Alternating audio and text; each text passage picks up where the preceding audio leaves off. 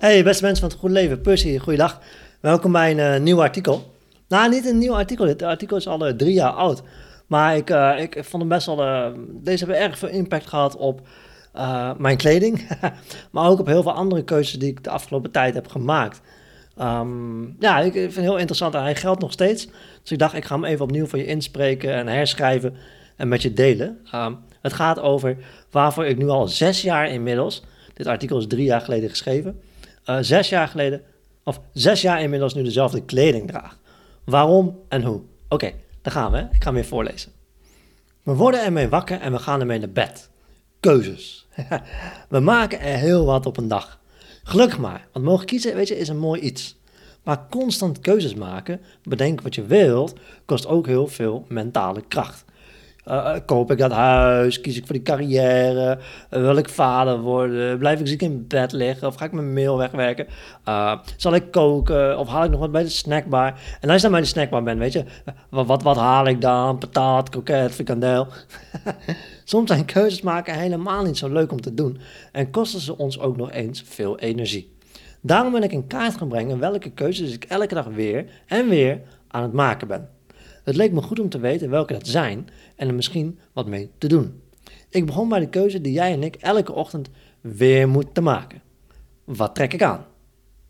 Drie jaar geleden, en dat is dus voor mij nu al zes jaar geleden, kwam ik op het idee, dankzij een artikel van Einstein, om iedere dag dezelfde kleding te gaan dragen. Einstein droeg elke dag hetzelfde maatpak. Hij had er wel meerdere versies van, maar toch, uh, droeg geen sokken en kamde nooit zijn haar. Hij zei dat hij liever zijn grijze massa gebruikte voor dingen die hij echt van belang vond om te doen. In zijn geval was dat dus niet langdurig voor de kledingkast staan of zijn haar kammen. Dat beviel me wel, deze gedachte van de man met het gekke kapsel. het leek me een leuk experiment om eens te gaan proberen. En later las ik ook dat Obama uh, dezelfde gedachte deelt. Steve Jobs, Benjamin Franklin en Mark Zuckerberg, de Facebook-eigenaar, weet je, uh, kan je aan datzelfde lijstje toevoegen. Met de gedachte dat ik nooit een Einstein of een Obama zou worden, bestelde ik toch alsnog drie dezelfde truien, drie dezelfde broeken en drie dezelfde shirts. De shirts in het zwart en drie spijkerbroeken. Geen verschil in merk, geen verschil in grootte, geen verschil in kleur. Alles exact hetzelfde. Laat het experiment beginnen. Zoals met alles was het ja, best wel lastig om dit vol te houden, moet ik zeggen. Ik was bang namelijk dat men het zou gaan zien dat ik altijd hetzelfde droeg.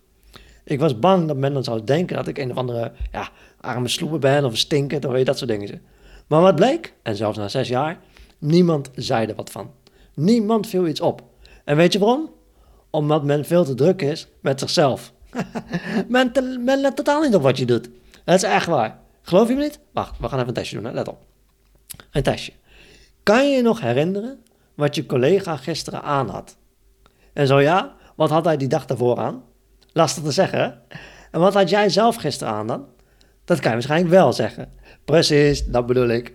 We denken altijd dat alle ogen van de wereld op ik gericht zijn. Maar het tegendeel is waar. Iedereen is veel te druk met zichzelf, joh. En dat is niet erg, maar soms wel fijn om even te realiseren. Trouwens, dit geeft je een vrijkaart om te doen wat jij wilt. Ik draag nu alweer drie jaar lang, en is inmiddels zes jaar, dezelfde kleding. Zo'n drie jaar verder kan ik je zeggen dat het me een bevrijdend gevoel geeft om de keuze wat aan te trekken niet meer hoeft te maken. Einstein had gelijk. Meer mentale ruimte voor de dingen waar ik wel energie in wil steken. En weet je, het scheelt donders veel knaken ook nog. Mijn drie boeken, drie shirts en drie truien kost bij elkaar, iets van, wat zou zeggen? 300 euro? Ik val in de kinderkleding, weet je, dus het is goedkoop. Dat is 100 euro per jaar aan kleding. Voor mijn lieve vrouwelijke lezers haal ik het even. 100 euro per jaar. En voor mijn mannelijke lezers haal ik het ook even. Een 23ste van een bitcoin.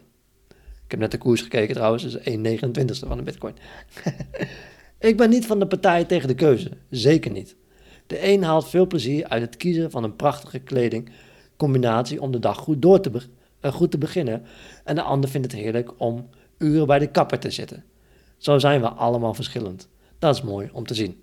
Wat ik minder mooi vind om te zien, is dat sommige mensen, waaronder ik zelf, zoveel keuzes moeten maken, zoveel aardse zaken om handen hebben, dat het gewoonweg te veel wordt. Dat we het zo druk hebben, is vaak omdat we niet kunnen kiezen en overal ja tegen zeggen. Dat weet ik donders goed. Dat heb ik zeer lang vol kunnen houden. Maar het kan allemaal zoveel simpeler door de juiste keuzes te maken. Alleen moeten we daar soms wat gekke stappen voor zetten, zoals elke dag hetzelfde dragen. We durven het vaak niet, omdat we bang zijn gek gevonden te worden, bang dat we buiten de boot vallen. En wat ik hoop te, bereiken met dit artikel, is dat je misschien ook durft te kijken naar welke keuzes jij dagelijks maakt. En of ze je meer energie kosten dan opleveren.